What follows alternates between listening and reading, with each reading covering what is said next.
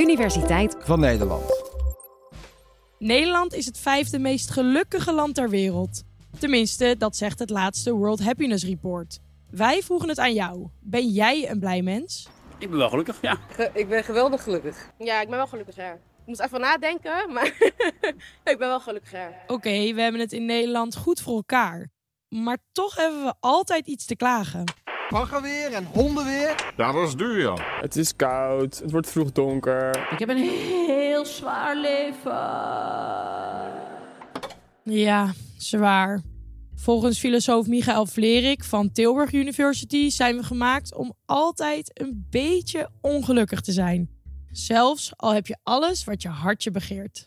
We zijn niet gemaakt om permanent en duurzaam gelukkig te zijn. Ik zou zeggen, geluk en ongeluk zit ergens in onze genen, maar we beschikken dus over die psychologische kenmerken die een diep gelukkig leven wel wat in de weg staan. Dus de evolutie gooit roet in een onbezorgd leven vol lol en eindeloos plezier.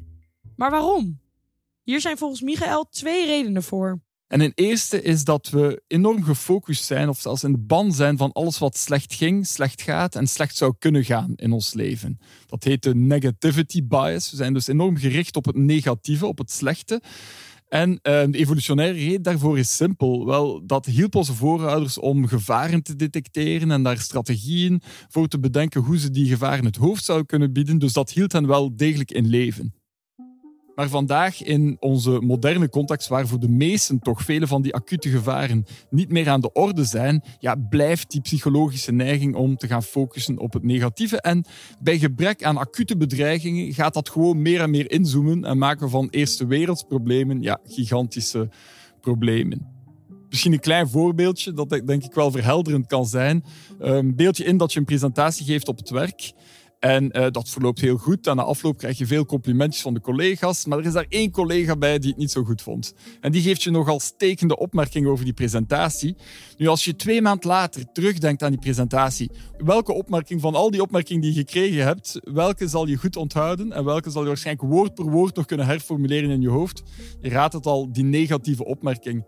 Dus het negatieve heeft de neiging om zich in ons geest te nestelen. We onthouden het veel beter. Het maakt ook een veel grotere psychologische impact op ons dan het positieve.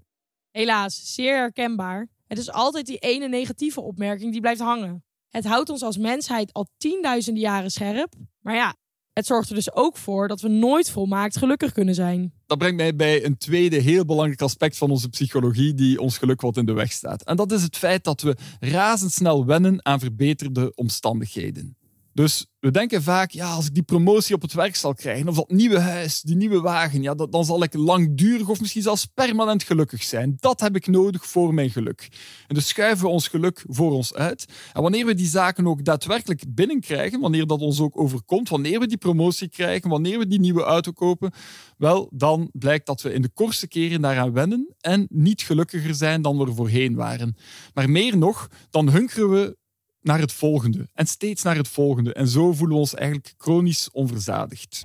Die niet te vullen leegte. Het houdt ons in beweging, naar voren gericht, naar overleven, naar de toekomst. En om te overleven willen we altijd meer. Meer eten, meer leefruimte, meer succes, meer geld wanneer we het hebben over geld en geluk, daar zijn al heel veel studies naar gebeurd. En er blijkt wel degelijk een correlatie te zijn. Dus geld maakt tot op zekere hoogte iets gelukkiger, maar lang niet zoveel als je zou verwachten. En er is die bekende studie die zei dat na 75.000 dollar, denk ik was het, per jaar, dat geluksniveau niet langer toeneemt met extra geld, met extra inkomen. Nu, andere studies zeggen dat ook boven dat niveau dat er nog wel wat gelukswinsten te boeken zijn. Maar waar iedereen het over eens is, is dat het zeker niet proportioneel toeneemt met toegenomen welvaart. Een heel opvallende, chockerende studie die daarnaar gebeurd is, naar uh, het feit dat we zo wennen aan zaken, is een studie die reeds in de jaren 70 van de vorige eeuw gebeurde en die bestudeerde het geluksniveau van twee groepen die op zijn zachtst uitgedrukte heel verschillende wending van het lot hadden ondergaan. Enerzijds mensen die de lotto hadden gewonnen en anderzijds mensen die verlamd uit een ongeval kwamen. Na zes maanden waren de mensen die de lotto hadden gewonnen, waren ze terug ongeveer op een geluksniveau van ervoor. Maar na zes maanden waren ook de verlamden, dus de mensen die verlamd uit dat ongeval gekomen, zo goed als terug naar een geluksniveau ervoor.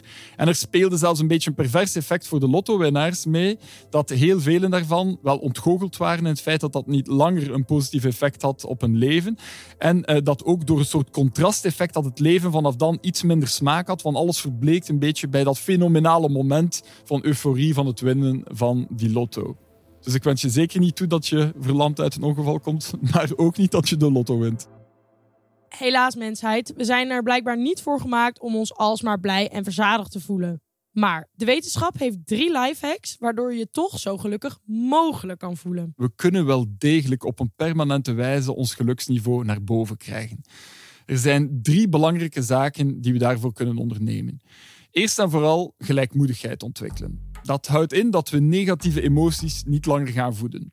Stel, je bent met je wagen onderweg en je gaat goed op tijd komen, je hebt een belangrijke afspraak, maar dan doet er zich een rampscenario voor. Je krijgt een klapband en je staat aan de kant van de weg.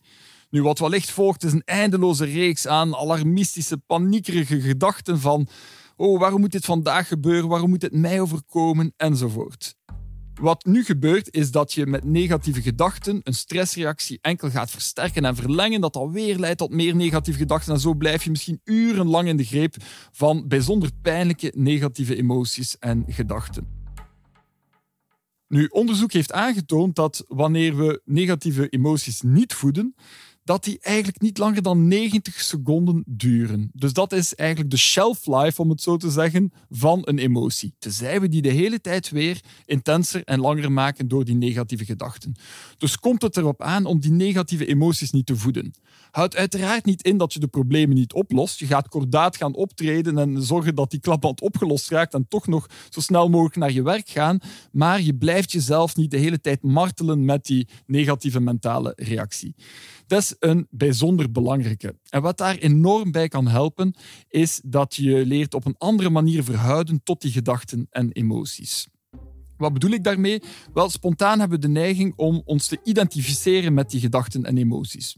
In ons voorbeeld dacht je wellicht niet van, hm, interessant, ik ervaar hier emoties van frustratie, woede, misschien een vleugje hulpeloosheid en, en, en zelfs wat angst. Nee, je werd volledig door die emoties overgenomen en je dacht wellicht ook niet van, hm, er komen gedachten op zoals waarom moet dit mij overkomen, waarom vandaag enzovoort.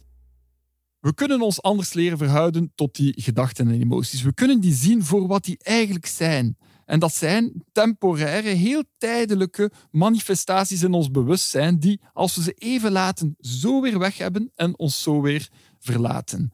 En dat leer je echt doen met zaken zoals mindfulness en meditatie, waar je die zaken leert observeren zonder er een sterke mentale reactie op teweeg brengen. En dat kan een enorme positieve impact hebben op de kwaliteit van jouw leven. De tweede heel belangrijke pijler is te werken aan tevredenheid. We hebben de neiging om altijd te denken van om echt gelukkig te zijn heb ik dit nog nodig en dat nog nodig. En telkens we die goede zaak binnenrijven, dan wennen we in de kortste keren weer aan die nieuwe verbeterde omstandigheid en hunkeren we gewoon weer naar het volgende. Dat is een diep gewortelde psychologische neiging waar we allemaal over beschikken.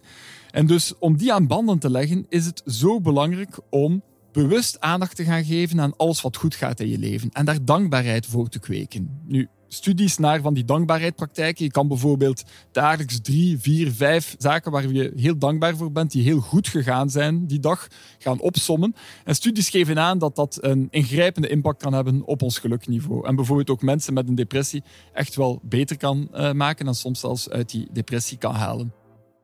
Dus wat we eigenlijk doen, is dan onze geest gaan trainen om bewust en daarom later ook spontaan meer aandacht te hebben voor al die goede zaken en niet louter voor alles wat slecht ging, gaat en zou kunnen gaan, die negativiteitsbias waar we allemaal mee opgezadeld zijn.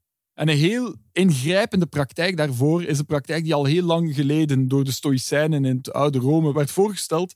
En dat heet negatieve visualisatie. En dat komt erop aan om eigenlijk zaken voor de geest te brengen, rampscenario's als het ware, die je niet zijn overkomen. Je kinderen lijden hopelijk geen honger. Je bent hopelijk niet terminaal ziek enzovoort. En besef dat moest een van die situaties zich wel voordoen, dat je er zo goed als alles voor over zou hebben om jou in exact jouw situatie hier en nu te begeven. Hoe onvoorstelbaar dankbaar ben je dan niet voor die situatie? Hoe onvoorstelbaar tevreden ben je dan niet met jouw huidig leven? Je kan dus werken aan tevredenheid. Je kunt stoppen met negatieve emoties voeden. Maar ligt die sleutel naar geluk dan alleen maar bij onszelf? Nee, zeker niet. Je hebt ook wel de rest van de mensheid nodig. Want juist de derde pijler van een diep gelukkig leven is een innige verbondenheid met andere mensen. Nu, de langstlopende studie naar geluk die ging van start in het jaar 1938 aan de Universiteit van Harvard. En die werd onlangs in het jaar 2018 afgesloten en de resultaten daarvan zijn opmerkelijk. De beste voorspeller van hoe gelukkig die levens waren, maar ook hoe lang en gezond die mensen leefden, was met voorsprong de kwaliteit van een dichte sociale relaties. Het onderzoek toonde heel duidelijk aan dat het zeker niet te maken had met hoeveel contacten je had, hoeveel vrienden je had. Dus het gaat niet over de hoeveelheid, maar over de kwaliteit van de interacties. Hoe hecht zijn die banden? Dus je kan beter één heel goede vriend hebben dan twintig redelijk goede vrienden, maar niet met diezelfde intensiteit. Dus het gaat echt wel over hoe hecht die banden zijn. En natuurlijk, dat hangt ook af van onze persoonlijkheidstype. Mensen die meer extravert zijn, zullen ook nood hebben aan meer sociale contacten. Mensen die meer introvert zijn, zullen minder nood hebben aan, aan vele sociale contacten. Maar iedereen heeft zeker nood aan die kern van innige sociale contacten. Bedankt Michael voor deze wetenschappelijke blik op geluk. En uh, hoe zit het met jou? Ben je zelf eigenlijk een beetje gelukkig? Heel gelukkig. En gelukkiger dan ik vroeger was. Wat echt wel voor mij veranderd is, is um, de lengte van negatieve emoties. Ik heb geleerd om die niet te voeden. En dan ben je er bijzonder snel van bevrijd, zou ik zeggen. En dan ga je ook op een betere manier met problemen om. En dan aan de andere kant, door die dankbaarheidspraktijken en door die tevredenheid te ontwikkelen, merk ik ook dat ik niet meer met dat onbewuste, maar toch zeurende gevoel van gebrek zit. Van ja, ja, het gaat wel goed en ik ben wel gelukkig, maar ik zal echt gelukkig zijn als dit of dat. En, uh, en dat ik weet van nee, kijk, this is it. En uh, ik ben er heel tevreden mee. Tevreden zijn. Is dat dan het nieuwe geluk? Misschien. Als dat zo is, dan hoop ik dat jij heel tevreden bent met deze podcast. Laat het vooral weten. Tot de volgende!